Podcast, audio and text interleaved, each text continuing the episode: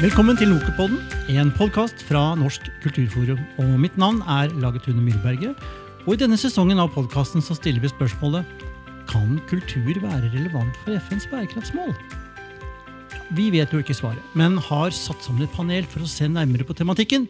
Hvordan kan altså kulturfeltet være en del av løsningen for vår klode? Og Sammen med meg så har jeg vår faste gjest fra Øygarden kommune, utviklingssjef Lennart Fjell. Hei, hei. Kort, Lennart, noen ord om deg og din bakgrunn og hva du nå driver med. Ikke sånn veldig langt, men kort Nei, for nye jeg skal lyttere. ta så kort jeg kan. Ja da, Jeg er utdanna kulturviter. Eh, Jeg har vært festivalforsker eh, ved Universitetet i Bergen. Jeg har vært kultursjef i, eh, i Fjell kommune i ti år. Og er akkurat nå utviklingsleder. Og snart har jeg ikke peiling på hva jeg er. Så det er jo kjempespennende. Det er veldig spennende. Jeg kan bare kort skyte inn også at jeg hadde gleden av å treffe deg på Vestlandet. Jeg jobba som kommunalsjef kultur i Odda kommune, så jeg har litt den bakgrunnen der. Selv om jeg sitter i andre rør og andre enden og skal liksom intervjue og snakke og stille spørsmål og sånn. Men vi har flere gjester her. For fra kommunesektorens organisasjon har vi spesialrådgiver Line Anni Solbakken. Hei, hei. Hei, hei! Kort til våre lyttere, nye lyttere, bakgrunn og hva du driver med til daglig. Eh, Ja, jeg har utdannelse innenfor musikk primært og prosessledelse. Og har jobba ca. 29 år i kulturbransjen, både administrativt og utøvende. Og, uh, ja, både innafor uh, på og bak en scene. og mye forskjellig.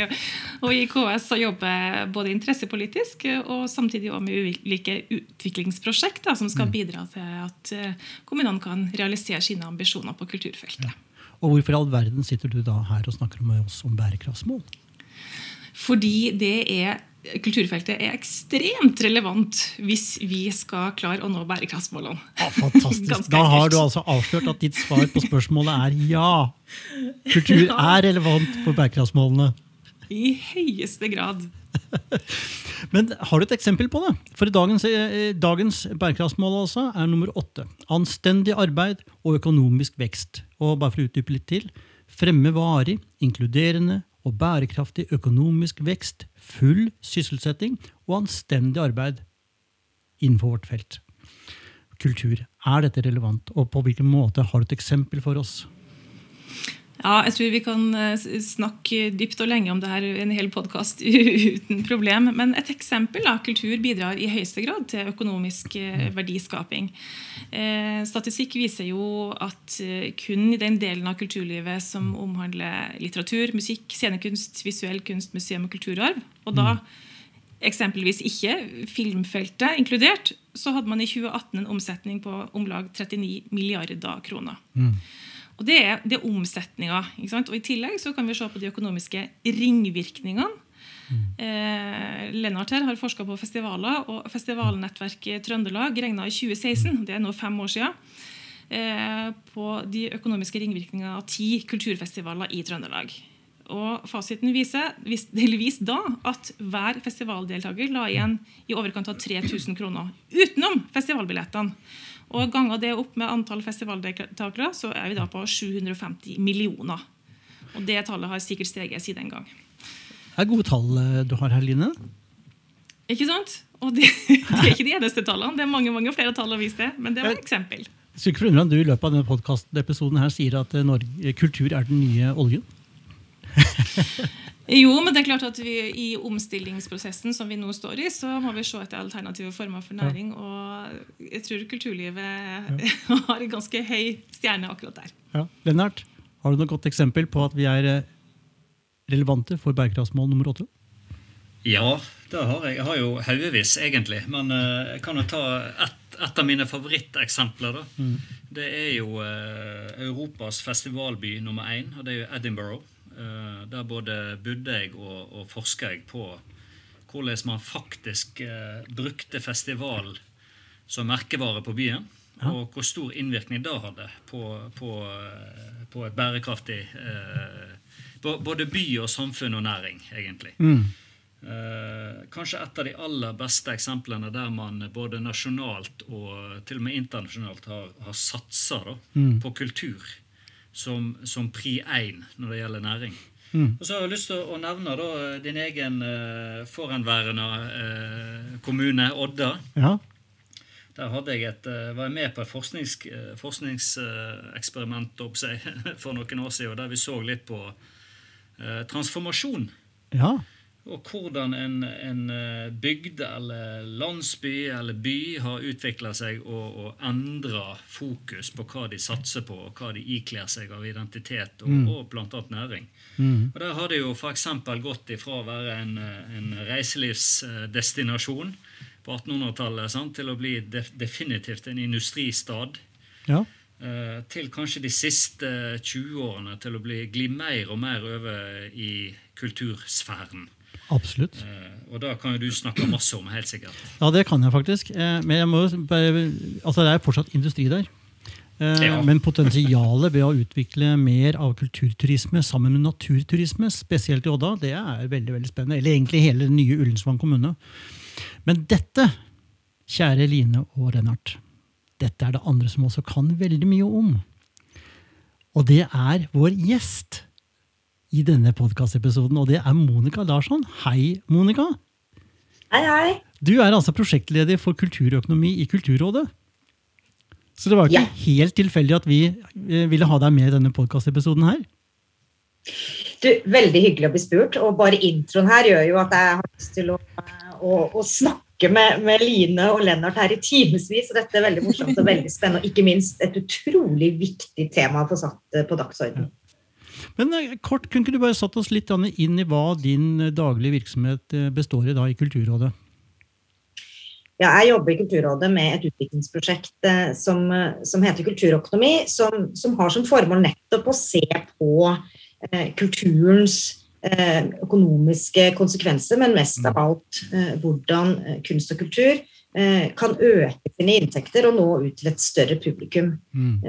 Målet med dette fra Kulturrådets side er jo ikke å hva skal si, endre nødvendigvis kunst- og kulturuttrykkene i, i en eller annen hva skal si, kommersiell form, Mm. men gi den eksisterende kunsten flere verktøy i verktøykassa, rett og slett for å kunne nå ut eh, til et større publikum, både nasjonalt og internasjonalt.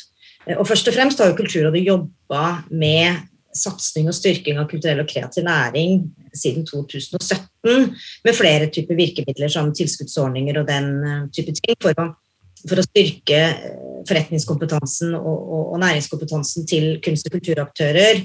Eh, mens Kulturøkonomiprosjektet har da hatt et mandat litt bredere, eh, hvor vi har jobba med, med, med både kunnskapsinnhenting og med noen pilotprosjekter og, og den type ting. Men som det heter alt annet i kulturlivet, så har jo også dette. Ja, så har jo også dette prosjektet blitt kraftig påvirket av eh, koronapandemien. Så mye av det vi egentlig planla å gjøre, har vi ikke gjort. Men det som pandemien jo i all sin tydelighet har illustrert, i all sin ku, vil jeg si, Mm. er jo at kunst- og kultursektoren i Norge er en næring. Altså dette er folks arbeidsplasser Mm. Og, og en veldig fin intro, syns jeg, av Line her, eh, Mm. som sier noe om at, at dette er en næring som omsetter for 39 milliarder. Det er jo også en, omsett, altså det er jo også en, en, en sektor som, som sysselsetter 36 000 mennesker. Og jeg tror det som virkelig står igjen som en sånn gru og en, en, en, en viktig erfaring også fra eh, pandemien, er jo at kunst- og kultursektoren og kunstnere flest, ja, de lever for kunsten og kulturen. Mm. Veldig få av de har økonomi eller økonomisk vekt som en driver. Mm. Når all inntekt forsvinner over natta, så er det jo også helt tydelig at man som arbeidstaker lever for og av eh, kunst- og kulturvirket, altså det kunstneriske produksjonet. Så jeg tenker at dette med, med å fremme en økt økonomisk bærekraftig kunst- og kultursektor er jo noe av det viktigste tror jeg vi må gjøre nå etter eh, pandemien. Mm. Så det er jo litt det som, som både Kulturøkonomiprosjektet selvfølgelig sysler med, men hele Kulturrådet jobber jo nå på spreng for å, å være med og bygge opp eh, kultursektoren etter, etter pandemien. Så veldig spennende å diskutere bærekraftsmål nummer åtte. Det er et spørsmål til dere alle tre. Hva legger dere i anstendig? Ordet anstendig arbeid, altså anstendig Ja. Og mens det er stille i panelet, så spiller vi litt musikk. Nei. Nei, jeg har, jeg har, lyst til å kommentere litt. For dette er jo et ganske stort spenn i kulturnæring, hvis man skal definere det. Sant? Kulturnæring kan jo være alltid fra nesten en dugnad til, eh, mm. til millionbetalte lønninger til artister. Eh, mm. Og, og, anstendig i så henseende, kanskje, det er vel da at man eh, da, da, tenker jeg mer på at man faktisk har kulturfeltet som arbeidsplass. og da tenker jeg det skal ikke være noe forskjell på en vanlig arbeidsplass. Mm. Uh, veldig ofte når jeg har uh, diskutert og, og, og, skrevet om kulturnæring, så har det slått meg at uh, det er ikke alltid man egentlig hadde trengt å kalle det kulturnæring. Det er en næring. På lik linje med andre næringer. Mm. Definitivt ut ifra hva Line forteller om, sant, for eksempel. Mm. må vi være flinkere til å tenke på kultur for næring? Altså at Kultursektoren selv er opptatt av at vi må ha en egen kultur for å skape næring. Så vi ikke kommer i den fella av at vi tenker mer på kunsten enn oss selv. Tenker Det er jo hele tiden en balansegang. da, fordi eh, Hvis du snakker med mange kunstnere, så tror jeg de eh, ja, Mange i hvert fall vil si at eh, grunnen til at jeg holder på med kultur, er fordi at jeg har et behov for det, et uttrykksbehov. At jeg ser at det er nødvendig. At vi har ytringsfrihet i dette landet. Jeg vil kommentere på det gjennom kunst, gjennom litteratur, film, teater, hva det nå enn skulle være. Mm. Eh, og i tillegg så er det en, en inntekt. ikke sant? Sånn at eh, Vi må jo rett og slett klare å balansere det. da, At, vi, at det skal være eh, en sterk nok økonomi til at vi gir rom for ikke bare de kommersielle tilbudene, men også de, de smale, mer eh, smale uttrykkene som har en helt annen samfunnsfunksjon, funksjon, og samtidig at det skal være mulig å leve av det på en eller annen måte. Og da vi, får vi gjerne den kombinasjonsøkonomien som vi har innenfor kulturfeltet, der vi har kombinasjon av inntekter fra mm. næringslivet, fra eh, ulike stipender, støtteordninger, offentlig finansiering osv. Så, videre. så kulturfeltets økonomi er jo sammensatt, og den må kanskje gjerne være det òg. Ja, Monica, du snakka på, på, det med lappeteppeøkonomi. du når jeg snakket ja. med deg før i dag? Det er jo et, et uttrykk, eller en, en, en, prøve å forklare litt hvordan kunstnerøkonomien eller kulturøkonomien ser ut. Og som Line inne her, så er jo det, er jo det et kjennetegn med, eh, med mange kunstnere og utøvende kunstnere eh, at de får inntekten fra veldig mange ulike deler. Altså det kan være ansatte i kulturskolen, det kan være noe konsertvirksomhet, det kan være noe konsulentvirksomhet, det kan være eh, en del offentlige stipender og den type tilskuddsordninger. Så det er jo ofte en blanding av salg og marked og, og, offentlig, eh, og offentlige hva skal jeg si, tilskuddsordninger og støtteordninger. Og, men jeg er et godt spørsmål det med hva betyr anstendig, eh, anstendig arbeid, eller hva skal jeg si, anstendig lønn her. Fordi mm. jeg tenker at selv om kunstner, kunstnerne i seg selv, eller kunstnerøkonomien i seg selv, har, eller altså har lav lønnsomhet hvis du sammenligner med mange andre bransjer. Så den lav lønnsomhet og økonomisk vekst er ikke nødvendigvis drivkraften i det man gjør. Det er jo et kunstnerisk uttrykksbehov. ikke sant? Så, så er det allikevel utrolig viktig, og dette er jo direkte utfordringer til politikere, både i kommuner og i fylkeskommuner, er jo nettopp å passe på at man faktisk betaler kunstnerne når de faktisk gjør oppdrag for det offentlige eller for det private. Mm. Og det er et utrolig viktig eh, prinsipp at man, eh, man, skal verdsette de kunstnerne og de kulturarbeiderne man, man har. Eh, ikke bare fordi det er viktig med kunst- og kulturarbeiderne og kunstnerne i seg selv, men også for å være med å styrke den delen. Gir jo stor økonomisk ringvirkning også for andre bransjer. Eh, så, så, jeg tenker at det er både anstendighet i forhold til den enkelte kunstner og betaling av den enkelte kunstner, men også se på det som en faktisk investering i eh, at kultur er en veldig viktig eh, drivkraft eller motor i andre næringer. Og det ser vi også med korona, ikke sant? hvor mange næringer som kollapser, om ikke kollapser direkte, som går skadelidende av at kunst og kultur har framføringsnekt. Mm. Lennart, du var oppe med hånda di. Ja, ja, jeg er så hyggelig og snill, vet du. Nei da, jeg, jeg bare syns det er kjempeinteressant. Det jeg, jeg, har ofte tenkt er kulturnæring litt spesiell. Og det er han jo. sant? Altså, Denne lappeteppeøkonomien. sant? Den, Vi som har vært i kulturfeltet, eh, enten som utøvende eller på andre måter, eh, vi, vi, ser det jo, sant? at det er minst like mangfoldig som kulturbegrepet i seg sjøl. Uh, I forhold til hvordan uh, man tenker næring uh, i forhold til dette. Mm.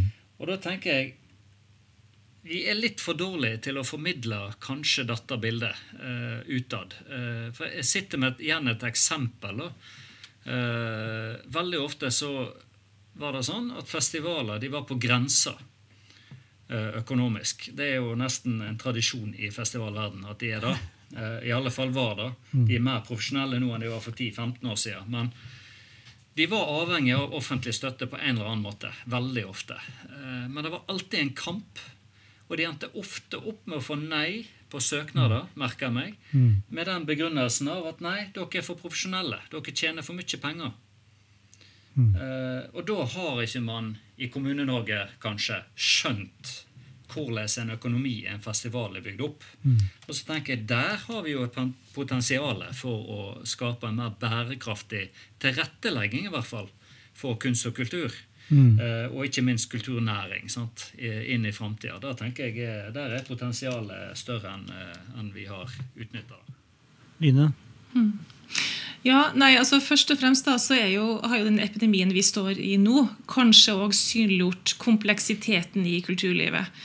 Eh, det består av utrolig mange ulike typer organisasjonsformer og aktører som på mange måter har veldig sånn tett og gjensidig eh, Eh, avhengighetsforhold. Da. Og så har man jo i de ulike støtteordningene som blitt utarbeidet, truffet med noe og kanskje ikke truffet så godt med noe annet. Og det, det viser jo nettopp denne kompleksiteten som, er, som krever virkelig forståelse for, hvis man skal klare å treffe godt. da. Eh, og, det, og det her lappeteppeøkonomien som vi har vært inne på tidligere. Mm. Og når det gjelder og det å ta vare, godt vare på, på de utøvende og de næringsdrivende for kulturfeltet, så tenker jeg jo at Eh, det styres delvis av markedet, men, men det er jo òg et ansvar som alle tre forvaltningsnivå må bidra til å ta. Eh, kommuner og fylkeskommuner er avhengige av de rammevilkårene de får fra staten, ikke sant? og mm. hvordan de skal, skal lønne sine, sine folk. Og, og, står ofte i situasjoner der de enten må, må eh, holde, holde, nede lønningene på et, på et eh, ja, rimelig nivå, eller rett og slett kutte tilbudene fordi at de ikke har rammer til å betale så mye som de gjerne vil. Og, det, og vi går jo ikke akkurat eh, Jeg tror ikke økonomien i Norge nødvendigvis går veldig oppover i årene som kommer, så det er en utfordring vi står i alle sammen. Og, men for å ta et eksempel da, med Den kulturelle skolesekken, som jo forvaltes av landets fylkeskommuner og, og kommuner, ja. eh, så er jo det rett og slett eh, kanskje den, den største eh, ordninga som gir flest kunstnere og kulturarbeidere oppdrag i Norge per år. Bare i 2019 så bidro eh, eh, Kulturell skolesekken med oppdrag til ca. 4000 kunstnere.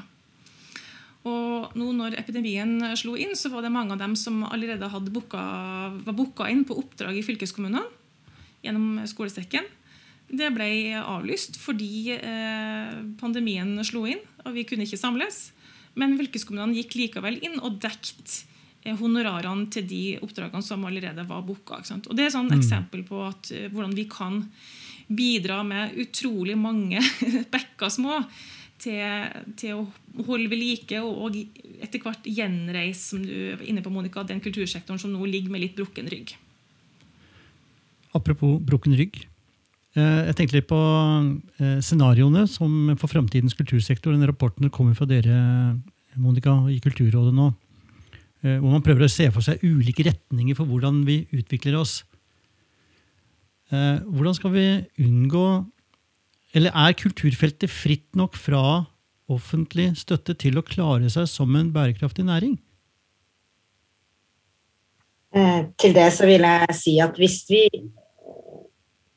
ønsker å ha en mangfoldig kunst- og kultursektor i Norge mm. for hele landet, så eh, vil vi være avhengig av eh, offentlig støtte. Og det er jo det som Kulturrådet som forvalter også er satt til å, å, å gjøre. Å forvalte en, en, en, rekke med virkemidler, både Statens kunstnerstipend og Fond for lyd og bilde og, og Kulturfondet, som, som til sammen skal sørge for at det produseres kunst av høy kvalitet i Norge. Mm. På tross av hva som eventuelt måtte da ha en kommersiell interesse. Eh, så selv om det er en, en, en, viktig verdi i seg selv, altså at kunsten og kulturen skal nå ut til folk, eh, hva skal jeg si, utover folks lommebok og utover hvor man bor i landet. Og det er et viktig prinsipp i samfunnet, som vi tenker på som et samfunnsoppdrag som vi verner om, som jeg mener jo er, er heldig å verne om, eh, så betyr jo ikke det at vi ikke samtidig kan ha to tanker i hodet samtidig. Apropos koronapandemien, hvor vi ser hvor sårbar kulturøkonomien er, nettopp fordi, som vi hadde vært inne på, lappeteppeøkonomi, blandingsøkonomi og andre drivere enn økonomisk vekst. Så, så det å også da, både i Kulturrådet, men også i kommuner og fylkeskommuner og, og, og andre aktører på kunst- og kulturfeltet, så vil jeg tro at det å å bruke tida nå, forhåpentligvis når vi snart kan si post korona. Ja. når vi snart er ferdig med denne dritten. og begynne å, å liksom bygge opp både liksom kultursektoren, alt det her, men også på en måte se på, på, på, på måter å, å, å, kunne bygge opp økonomien i kultursektoren, det tror jeg er utrolig viktig. Ja. Jeg bare ser at eksempel, I forhold til en scenariooppsetter med Lykkeland og Stjernekamp, det er to av de beskrevne framtidsvisjonene, eller mulighetene, for, for, for norske samfunnet. Eh, hvor begge er egentlig preget av relativt sterk økonom, økonomi. Men det er veldig forskjellig om det er sterk offentlig økonomi eller om det er høy privat økonomi. Eh, for at Med høy sterk privatøkonomi så synker i det scenarioet f.eks. interessen grunnlaget for at eh, kunst og kultur har attraktivitet og betalingsvilje. Og at det derfor blir mye mer amatørvirksomhet. Og så dras man fra hverandre. Så det her, med tanke på framtida, få til god økonomisk vekst og anstendig arbeid, så er det jo fryktelig viktig å være politisk. da. Ja, og Hvis jeg bare kan svare litt angående akkurat disse scenariorapportene. for Jeg vil jo først si at denne scenariometodikken må man jo ha i mente når man leser denne eh, rapporten. Det er jo ikke sånn at Kulturrådet i seg selv ønsker at en av disse scenarioene skal bli til virkelighet. For det er jo ganske sånn ekstreme eh, på mange måter ytterkanter som, som beskrives her. ikke sant? Det er framtidsfortellinger og bilder som skal inspirere folk som oss til debatt om fremtiden. Mm. Eh, men som også skal kanskje provosere litt, og også gi oss en slags forberedelse til å se for oss hvordan ser Norge ut i 2035. Og Det som er interessant der, er jo disse drivkreftene. Fordi drivkreftene er jo valgt uavhengig av at vi snakker om kunst- og kultursektoren. Vi mm. snakker om økonomisk utvikling i Norge, og vi snakker om dette med aksept for kollektive løsninger. Mm. Uh, og så beskrives jo da gjennom denne metoden og denne på en måte flere arbeidsverksteder og sånt som har vært benytta for å komme fram til fire sånne scenarioer som heter da Lykkeland og Stjernekamp og Vestavind og, og Himmelblå. Ja. Uh, og det som man ser på der, er jo at, at, Eller det man beskriver der, er jo dette med F.eks. i Stjernekamp, som jeg syns har en veldig sånn god liksom, undertittel, ja. som vi kan alle er sin egen lykkes da har man gått veldig langt i det at det har vært en sterk økonomisk vekst i Norge, men det har vært lav oppslutning om kollektive løsninger. Mm. Så er det jo da lave skatter og avgifter, men det er populærkulturen, altså den delen av kulturen som klarer seg på markedets premisser, som, som overlever. Men de mm. gjør det veldig veldig bra. ikke sant? Mm. Så det er få kunstnere, men de er topp profesjonelle, de gjør det bra på et internasjonalt marked. Men den er urban, og den er pengesterk, og den er på mange måter elitistisk. Mm. Så de som jeg tror mange av oss kanskje ser på som viktig i et samfunn. At du har profesjonelle kunstnere, men også amatørkunstnere. Og at man, man, er opptatt av at det skal være kunst og kultur tilgjengelig i hele landet. Eh, og at sånn sett så er en aktiv offentlig kulturpolitikk viktig. Og at det er viktig at den kulturpolitikken diskuteres i samfunnsdebatten. Mm. I dette scenarioet som kalles Stjernekamp, så så er jo ikke offentlig kulturpolitikk Det diskuteres ikke lenger. Det er på en måte litt sånn avleggs. Eh, og, og det få kunstnere i Norge. Så det er jo ikke ønska, et ønska scenario, men det er jo liksom litt sånn, kanskje litt den der også ekstrem varianten. Men, men, når du nevner nå det med, eh, med Stjernekamp, eh, digitaløkonomien, og hvordan de store blir større og de små blir mindre Ja. Er vi på vei rett inn i Stjernekamp før vi rekker å lese hele rapporten? Ja, det er et veldig godt spørsmål. Eh, altså Noe av det som vi diskuterer mye i Kulturøkonomiprosjektet, og, som jeg jobber med, er, og, og, som også da er en, en, en, en, konsekvens, tror vi, av koronapandemien, er jo dette med at eh, man ser at digitaliseringsøkonomien eh, vokser seg stadig sterkere. Eh, hvor, eh, hvor, du har de store internasjonale selskapene, altså du har en plattformøkonomi som tjener masse penger. Og den er internasjonal, mm. eh, eller den er multinasjonal. Eh, og selv ikke nasjonalstater kan på en måte lage regler som demmer opp for at kunstnere f.eks. får stadig mindre del av kaka. Så, så det vi omtaler, vi omtaler den som en sånn the winner takes it all-økonomi. Mm. Hvor du når bredt ut. Så det er på mange måter kanskje en, en slags demokratisering av kunsten. Eh, men, men, økonomisk sett, på kunstnerøkonomien, så er det jo en ganske skum, eller ikke skummel utvikling, men en utfordrende, utfordrende ut, utvikling. Jeg syns egentlig at det er utfordrende på flere måter. Eh, fordi hvis vi har kun en elitistisk kultur, og en kultur der det blir større og større ulikheter mellom de som har en posisjon i markedet, og de som ikke har det, så, og, og det digitale på å si, tar helt overhånd, så, så havner vi jo kanskje inn i rett og slett et slags ekkokammer. Eh, hvor vi eh, fôres med det vi allerede liker. Og eh, altså, algoritmene i, i, eh, på Facebook eller sosiale medier eller hvor det skal være, de, de, de, fanger opp hva vi liker. Og så fôrer de oss med mer av det. Er det, er det, det, er jo farlig. Nei, men det, det, er jo farlig hvis det skjer innenfor kulturlivet. fordi at kulturliv, En av kulturlivets viktigste funksjoner mm. er jo å sikre ytringsfrihet, ytringsmangfold, meningsfangsfold, uenighetsfellesskap og alle de her ordene her. Mm. Og da trenger vi rett og slett en infrastruktur som jeg tror det offentlige har et viktig rolle for å skape. Hvor det er rom for både de smale og de brede uttrykkene. Mm. Ja, det er bare lyst til å si meg helt enig. Og, og igjen, disse scenarioene er jo ikke en ønska utvikling, men noen bilder eller du mm. kan jo få noen bilder på en, på en eventuell eh, framtid. Jeg er veldig enig med Line sier her, og jeg tror at, eh, at nettopp den digitaliseringsøkonomien som, som, som, også kan være en bestselgerøkonomi, nettopp fordi at algoritmene de gir jo det som er populært, gjør at det blir på en måte enda mer populært, for å si det på en litt uh, banal måte. Eh, og, konsekvensen er jo en, en, en forflatning, eh, mm. man kunne si, ikke sant, av kunst- og kulturtilbudene. Så, så, der vil jo, der vil jo um, også det offentlige på en måte, og nettopp sånn som Kulturrådet, som har som mål å, å, å, sørge for et mangfold av uttrykk, være viktig. ikke sant? Mm. Så, um, fordi, at, fordi, at, disse plattformene og denne, denne digitaliseringsøkonomien og, og, distribusjonsmodellen ikke i seg selv sørger for et mangfold av uttrykk, men snarere tvert imot. Ja, men nå skal vi ikke være, jeg synes ikke vi skal være overdrevne skeptiske til algoritmer. for Når det gjelder politiske ståsteder, skal algoritmer og ekkokamre være skumle hvis de går i en retning som ikke er ønska eller eh, er skadelig. Men hvis jeg elsker punkmusikk, og er punker, så vil jeg gjerne ha enda mer av punk, for det er min identitet. Jeg er en punker! Gi meg en ny frisyre som er punka! Skal jeg ikke få det, da? Jo, men lage Det må du få lov til. Du må høre så mye punk du vil. Men jeg tror å, du har veldig godt av å høre andre former. Jeg vil ikke! Jeg vil ikke! Jeg vil ha punk! punk. Du må bli utsatt for, for andre former for kulturuttrykk som, som skaper refleksjon eh, og dannelse og alt det her som vi, som vi vet at kulturlivet skal bidra med. da. Monica, du, du, nevnte på dette med Storytel. Svensk selskap, eh, litt à la Spotify, men innenfor det med bøker og konsum, og digitalt konsum, så har jo Storytel i hvert fall klart én viktig ting som ikke de andre streamingstilbudene har gjort, og det er jo at de har en betalingsmur. Så for å få tilgang på Netflix, Spotify, eh, Storytel, så er det i hvert fall betaling.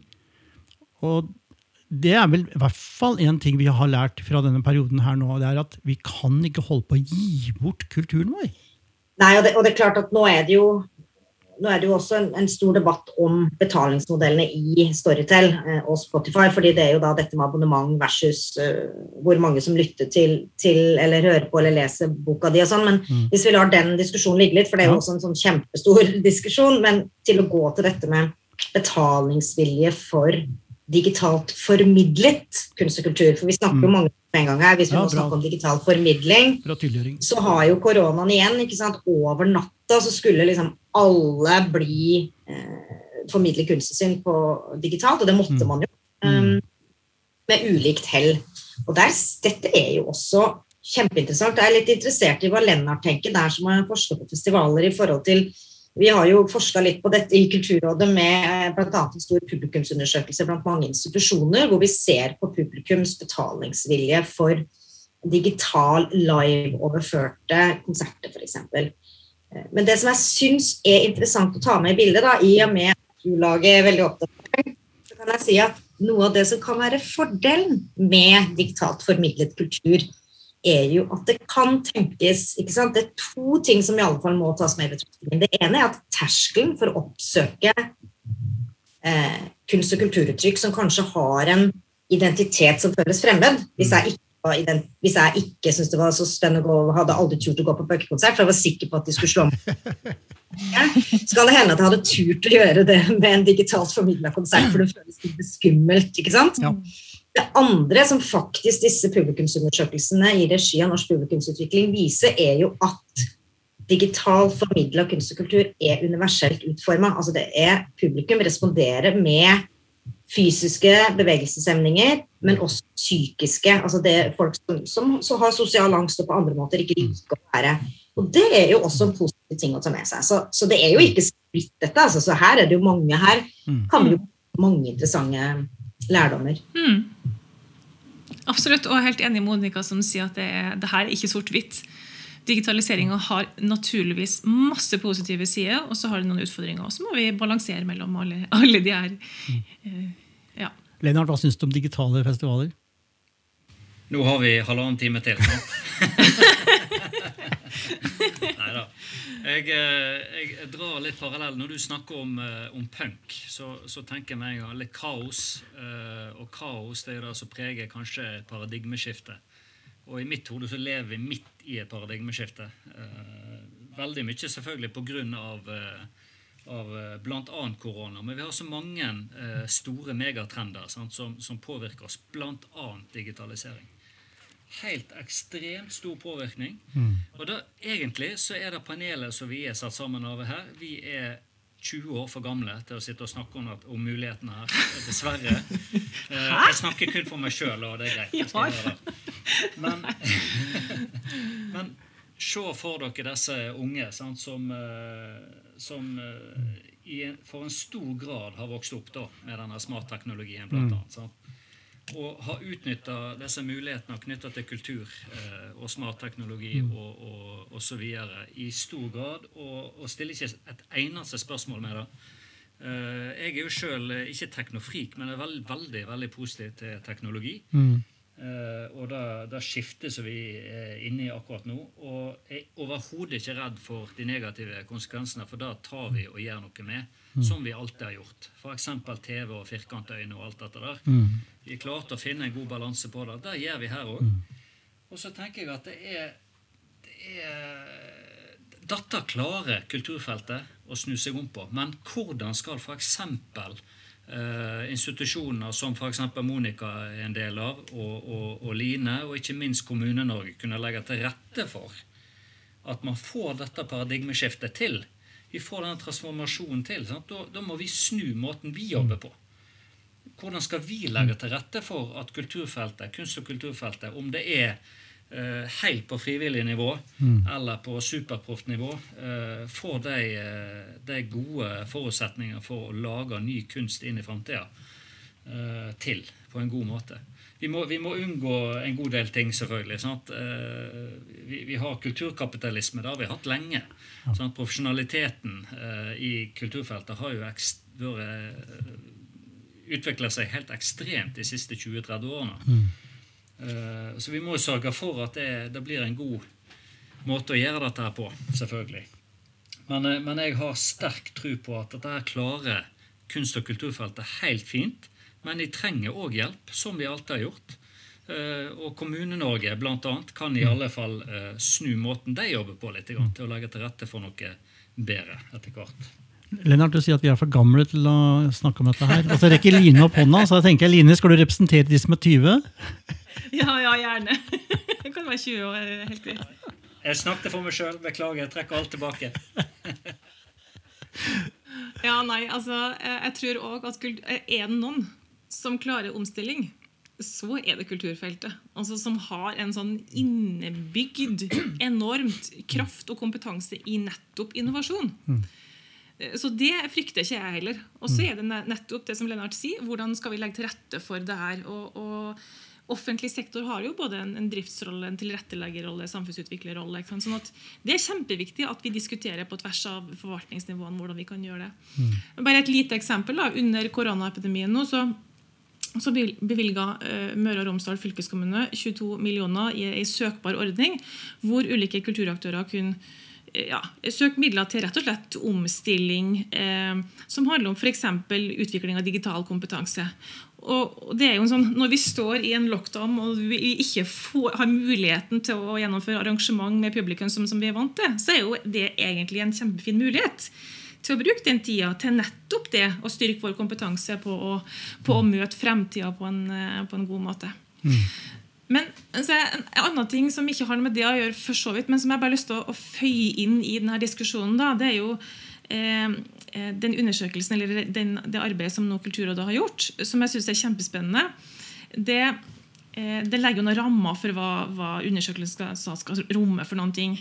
Eh, det begrenser seg bl.a. til et, et, sektorbasert kulturbegrep. Eh, altså ikke et sånn altomfattende kulturbegrep. og Det synes jeg er fornuftig, for det gjør det enklere å diskutere i en kulturpolitisk sammenheng. Men så begrenser det seg også til det profesjonelle feltet, og det kan også være eh, fornuftig med utgangspunkt i at vi snakker om en sektor med ulike yrkesgrupper. Men det vi, og vi skal huske på, og som jeg tror Lennart kan skrive under på, som har jobba mye med festivaler, det er det at frivilligheten i Norge den sparer oss for enorme summer. Og de summene må vi ta inn i forståelsen av, av, økonomien som helhet. Og når, når det her eh, scenarioen for fremtida tar utgangspunkt i ulike drivkrefter, f.eks. økonomi, som vi har om nå, og sosiokulturelle drivkrefter, mm. eh, hvor eh, vi enten har aksept for kollektive løsninger eller mindre aksept for kollektive løsninger, mm så påvirker det. Hvis vi har mindre aksept for det kollektive, så vil vi sannsynligvis òg kanskje få lavere oppslutning om frivillig aktivitet i kulturlivet. Og da vil vi stå i en situasjon hvor vi enten må, må spytte inn penger fra andre finansieringskilder, eller vi må redusere tilbudene. Så det er bare et bitte lite bilde på det her komplekse økosystemet og hvor frivilligheten har en, en rolle inn i den svære lappeteppeøkonomien. da, rett og slett. Jeg må bare få kommentere det, for jeg synes det, du har et ekstremt viktig poeng. og vi, vi dreier og deler litt uh, denne debatten litt nå. For da Fram til nå så har vi jo egentlig snakket om uh, en bærekraftig kulturnæring. sant? Hvordan få anstendig arbeid og økonomisk vekst innenfor kulturnæring. Men du kunne jo snudd på dette òg sånn som vi har gjort ofte i eh, denne podkasten. Hvordan kan kultur ellers hjelpe til med anstendig arbeid og økonomisk vekst? Mm. Altså, Hvordan kan kultur være dette verktøyet for å bidra til å gjøre de tingene som da Line bl.a. var inne på her? Så du kan dele denne, denne, debatten i to. Og vi kan jo fryktelig mye om hvordan vi kan uh, lage en bærekraftig kulturnæring, kanskje. Det kunne vi masse om. Mm. Og så har vi pekt på både tidligere og litt nå da, hvordan kultur kan faktisk være et verktøy i å gjøre eh, annet anstendig arbeid og økonomisk vekst. Altså, poenget er at i diskusjoner rundt økonomisk vekst så må vi sette i en kontekst. Store deler av verden har behov for økonomisk vekst. Det er det ingen tvil om. Men så er jeg ikke så sikker på at det er svaret på alt i hele verden. For altså, eh, Det kan hende at andre deler av verden har mer behov for andre typer vekst enn den rent økonomiske. Altså, kanskje er vi i Norge rett og slett litt nyrik. ikke sant? Altså At vi egentlig har behov for å, en, en, indre form for vekst, refleksjon, innsikt, kunnskapsøkning som handler om å forstå hvordan vi skal bruke ressursene våre, istedenfor å bare hige etter mer. Eh, så jeg syns egentlig vekstbegrepet i seg sjøl bør debatteres. da. Og så synes jeg En annen ting som er veldig spennende, det er det der med hvordan kulturturismen kan komme inn og støtte naturturismen. Der har kommuner mye å, å ta tak i, tenker jeg. Jeg kan jo bare vise til at det har jo kommet en strategi for kultur og reiseliv som Kulturdepartementet og Næringsdepartementet faktisk samarbeida om da, tilbake i 2019. Mm. Eh, og, og, der er det jo for så vidt en rekke forslag til tiltak og, og, og sånn, men, men, eh, i forhold til si, denne podkasten og, og, det vi snakker om nå i forhold til anstendig arbeid og dette med økonomisk vekst, så, så, ligger, det jo, eh, så ligger det jo helt klart et, et potensial i hele på en måte, om du kaller det kultursektoren eller kulturnæringen eller kulturturismen. Og, og dette er jo sånn som Lena var inne på, så dette med hvilke megatrender ser vi i samfunnet. altså Hvis du ser i EU, ser du kjempestore pakker for at kulturnæring og kulturturisme og, og, og sånn blir sett på som en innovativ bransje, en Mm. grønn ærekraftig bransje, en ung bransje. Så det sett pøs, ikke kanskje pøses penger, men det investeres jo midler i denne sektoren eh, på, på, på, eh, på europeisk nivå. Eh, mens når, hvis du da tar det fra liksom EU-nivå til lokalt nivå i, i, mange, i mange fylker og, og kommuner, så, så vil jeg jo tro at et samarbeid mellom reiselivsaktørene og lokale kunstnere eh, er eh, kjempeviktig. Altså, det er veldig banalt, vi har snakka om det i mange år, men det kommer at the end of the day så kommer det til at, at kunst og kulturarbeidere, kunstnere lokalt, må verdsettes på lik linje med hoteller og servering og andre. Mm. Du kan ikke samarbeide med handelsstanden om å holde gågata åpen og cruiseturistene kommer, og så ber vi de lokale turistene spille gratis eller spille for, eh, hva skal jeg si, for gitarkassa åpen foran deg. Altså, man må behandle kunstnere som anstendige arbeidstakere med et Mm. profesjonelt yrke og betale de deretter. Du skal ikke sette opp en scene i byen, betale lyd- og lysmenn for å spille lyden, og så skal de andre kunstnerne bli bedt om å komme og underholde, fordi da får de kanskje solgt kunsten sin til turistene. Så jeg tenker at Det blir på sånn superbanalt, nesten sånn anekdotisk nivå, men jeg mener at vi er nødt til å, Ja, vi er nødt til å adressere det. Ah. Halleluja. Dere, tro det eller ei, men tiden flyr fryktelig fort i godt selskap eh, om viktige temaer. Vi er kommet til veis ende på denne podkasten. Vi kunne antageligvis ha snakka et par timer til. Det kan vi ikke gjøre nå. men eh, vi har iallfall fått takke eh, mitt faste panel, som er til stede her, men ikke minst Monica Larsson. Tusen hjertelig takk til deg for at du kunne komme og bli med oss i denne podkasten og snakke om eh, bærekraftsmål nummer åtte. Og jeg føler at vi kommer et skritt videre i forhold til å forstå hva både anstendig arbeid og økonomisk vekst kan innebære for kulturfeltet. Vi er i hvert fall veldig enige om at kultur er relevant for dette målet. Og da er det bare å krysse fingrene og håpe at det beste scenarioet fra Kulturrådet blir retningen videre inn i framtiden. Det håper vi på. Enig. Du har hørt en episode fra Nokupodden. Den er produsert for Norsk kulturforum, som er interesse- og kompetanseorganisasjon for kultursektoren i kommuner og fylkeskommuner over hele landet. NOKU handler om å samle og dele kunnskap og erfaringer for å styrke den lokale kultursektoren. Vi brenner for aktivt og engasjerende kunst- og kulturliv som skaper gode lokalsamfunn og gir mennesker økt livskvalitet. Vi håper du likte episoden, og at du finner mer interessant i andre episoder som vi også har liggende på våre kanaler. Produksjonen er gjort av Lage Tune Myrberget for Storyphone, spesialister på digital kultur. Vi høres i neste episode.